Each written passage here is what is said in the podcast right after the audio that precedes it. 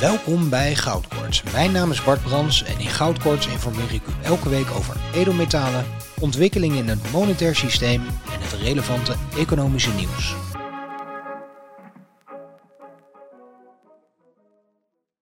Welkom bij een nieuwe aflevering van Goudkoorts, een initiatief van Gold Republic. Mijn naam is Bart Brans, ik ben edelmetaalspecialist bij Gold Republic. Ik begin natuurlijk even met de koersen. De koers van goud 58.900 euro per kilo. Ja, ik vraag me af en ik ben ook heel erg benieuwd naar wat jullie vinden. En volg me eventueel even op Twitter, want daar stel ik ook de vraag. Ehm, of laat natuurlijk hieronder een reactie achter, dat kan ook altijd. Maar is dit een nieuwe paniekpiek? Uh, gaan we straks enorm weer corrigeren? Of is dit gewoon het, massaal, het massale verlies van vertrouwen in valuta door mensen wereldwijd? Want ja, deze stijging is anders dan die paniekpiek die we aan het begin van, uh, van maart hebben gezien. Het is echt wel een andere uh, vorm. We zitten, we, ja, we zijn, gisteren stonden we net even wat hoger dan nu, maar ja, het is toch echt een hele hoge koers. We gaan weer hard richting de 60.000 euro per kilo. Wat natuurlijk, als we gewoon kijken naar wat, uh, wat dat procentueel ook betekent aan stijging bijvoorbeeld ten opzichte van vorig jaar of ten opzichte van een paar jaar geleden. Enorme, uh, enorme actie uh, van, van goud. Kijken we dan even naar Bitcoin. Dan is de koers van Bitcoin die is verder aan het corrigeren. Op dit moment 40.600 dollar per Bitcoin. En toch leuk denk ik. Uh, op Bloomberg kunnen we lezen dat de correlatie tussen grondstoffen en Bitcoin het laagste punt kent sinds 2018. 2018 was natuurlijk een hele heftige correctie van de cryptocurrency markets. Iedereen die eind 2017 is ingestapt, die ging helemaal rekt. En nou, veel mensen, waaronder ikzelf, hebben er nog uh, wel buikpijn van gehad. Letterlijk buikpijn.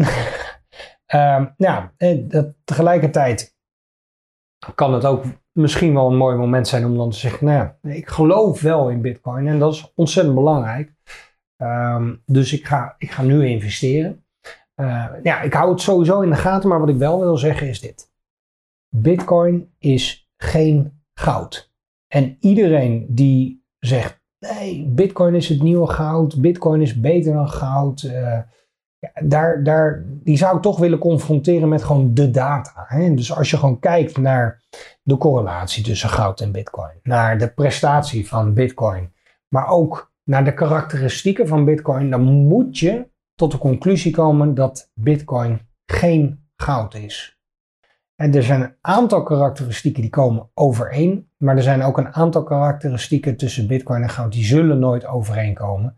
Dus Bitcoin is geen goud. En dat maakt het juist interessant.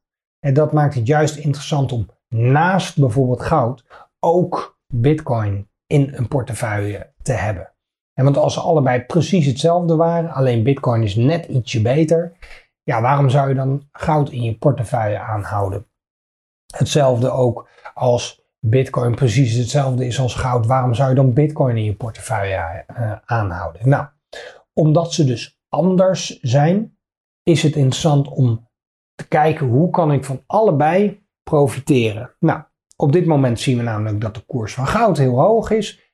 Fijn dat je wat goud hebt en de koers van Bitcoin een stuk is gecorrigeerd. Nou, dan zou je zelfs kunnen zeggen: ik ruil een deel van mijn goud voor Bitcoin in. Ik, ik noem maar wat, hetzelfde wat ik ook altijd heb aangegeven. Stel je hebt het heel goed gedaan in de cryptocurrency markten. Dan is het natuurlijk ontzettend belangrijk om een deel van die winsten vast te leggen in bijvoorbeeld zoiets als goud. Of misschien ook een stukje zilver. En op die manier kun je door ze allebei in je portefeuille aan te houden, profiteren van de prijsbeweging, de prijsactie van allebei. En daarnaast, ja goed, er is natuurlijk, als we kijken naar die, naar die veiligheidsfunctie uh, van goud, die het al duizenden jaren heeft, ja, dan komt er natuurlijk niets in de buurt. En dat zal ook nooit gebeuren, want goud heeft een voorsprong van 6000 jaar.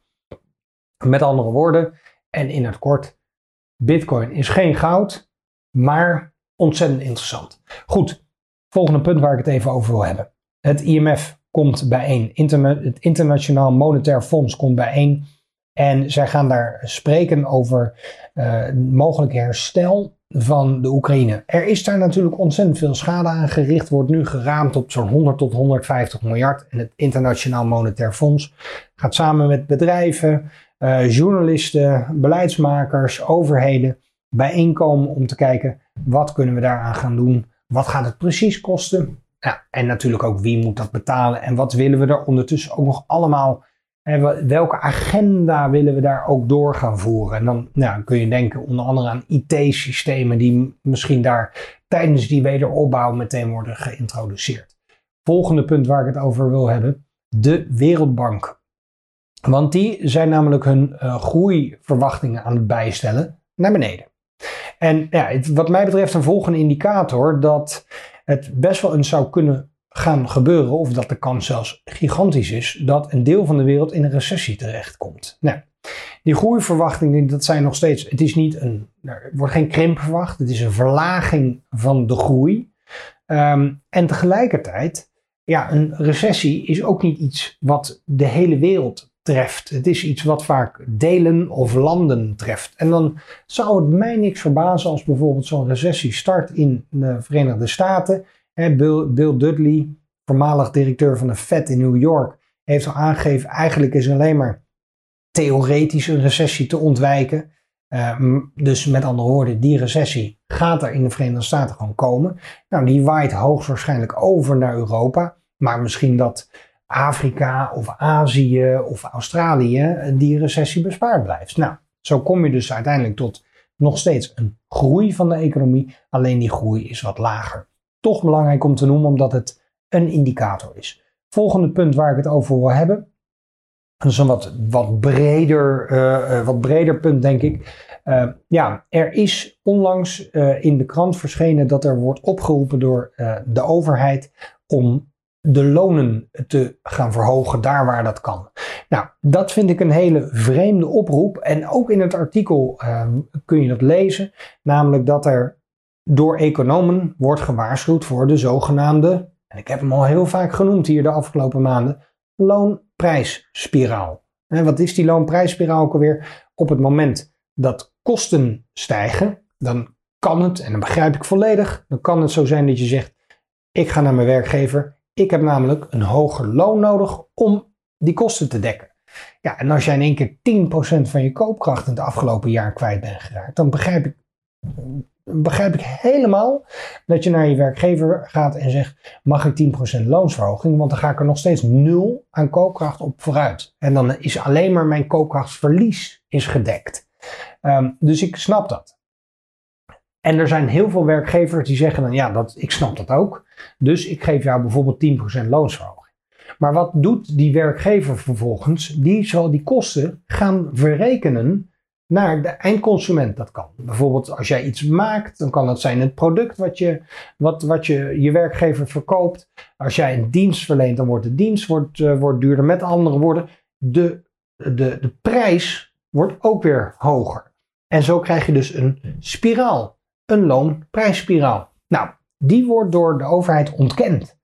Ja, en dat vind ik heel vreemd. Want het is nog geen twee weken of drie weken geleden dat onder andere Edi Mujagic, maar ook Lex Hoogduin en ook Klaas Knot in de Tweede Kamer hebben gezeten om daar Kamerleden te informeren over onder andere de loonprijsspiraal en wat de gevaren daarvoor zijn. En wat zegt dit mij? Dit zegt mij eigenlijk dat op het moment dat je iets ontkent, terwijl je er niet formeel voor geschoold bent, geen werkervaring in een bepaalde sector hebt, maar wel beleid maakt, dat het jou dus niet gaat om de gevolgen van het beleid. Dus als je ontkent, loonprijsspiraal gaat niet gebeuren, terwijl iemand achter je, die er heel lang voor heeft geleerd en heel goed is in wat hij doet, bijvoorbeeld Edi Mujagic, misschien wel een van de beste economen ter wereld, en zegt, kijk uit, die loonprijsspiraal, het risico erop, is reëel. En dat jij dan zegt, ja, maar ik weet het beter. Er komt geen loonprijsspiraal. Terwijl je dat helemaal niet beter weet. Je weet het zelfs gewoon helemaal niet. Want je hebt er helemaal geen verstand van. Ja, dan, dan is de kans dat, je, dat er toch een loonprijsspiraal komt, die is natuurlijk gigantisch. Hè? Ik vermoed zelfs, ik noem het de afgelopen maand al, dat we er al in zitten. En ik begrijp dat ook. Want iedereen die uh, er 10% per jaar op achteruit gaat, ja, die heeft na 10 jaar niets meer over. Uh, nou, en uh, dat, maar ik vind het wel, ik vind het wel, nou in ieder geval, ik vind het wel wonderbaarlijk dat dan dat wordt ontkend. Terwijl dus enkele weken daarvoor, die, die twee tijdsmomenten, die liggen zo dicht op elkaar, dat er dus sprake is van een alternatieve agenda. dus als een overheid dit zo propageert, er is geen sprake van een loonprijsspiraal. En de inflatie is niet blijvend. Eh, er, komt, uh, er, er komt voorlopig geen hogere rente aan, want dat is niet nodig, want we moeten de rente juist laag houden. Ja, dat zijn allemaal niet econo economische principes gedreven besluiten. Dat zijn politiek gedreven besluiten. Dus er is een agenda en die wordt nagestreefd ongeacht wat de economische gevolgen zijn voor nou, onder andere u en mij natuurlijk. Dus nou, dan kom ik weer bij wat ik ook al een aantal keren eerder heb gezegd. En die gevolgen die we nu allemaal ondervinden, waaronder straks een loonprijsspiraal en een recessie en hoge inflatie en stagflatie, ja, dat komt niet uit de lucht vallen. Dat is gewoon omdat de beleidsmaker, de monetair beleidsmaker, de wetgever, dat wil. Uh, nou, en, en, soms weten ze niet dat ze willen, of weten ze niet dat het beleid dat ze voorstaan ertoe leidt. Maar achteraf zeggen, ja, dat, dat kon niet gebeuren, of dat is niet mijn schuld, dat ligt ergens anders. Ja, dat is dus niet zo, want als je geconfronteerd wordt met mensen die zeggen, dit veroorzaakt een loonprijsspiraal. Je ontkent zelfs dat er een loonprijsspiraal wordt veroorzaakt en later zien we een loonprijsspiraal. Dan kun je niet zeggen dat je niet gewaarschuwd bent. En dat betekent dus dat je een andere agenda had. Goed, vond je dit een leuke uitzending? Like hem dan even. Uh, heb je een opmerking of een vraag? Dat kan dan uh, dat kan hieronder in de comment section. Ik probeer altijd even kort te reageren. Dank natuurlijk ook aan iedereen die reageert. Uh, ben je blij met het YouTube kanaal van Gold Republic? Dan vind ik het prachtig als je je even zou willen abonneren. Dan, ja, dat helpt ons echt en we zijn nog met een paar hele leuke plannen bezig. Dus ik hoop dat je je wil overwegen om je te abonneren op het YouTube kanaal van Gold Republic. En dan zien we elkaar bij een volgende uitzending van Goudkoorts.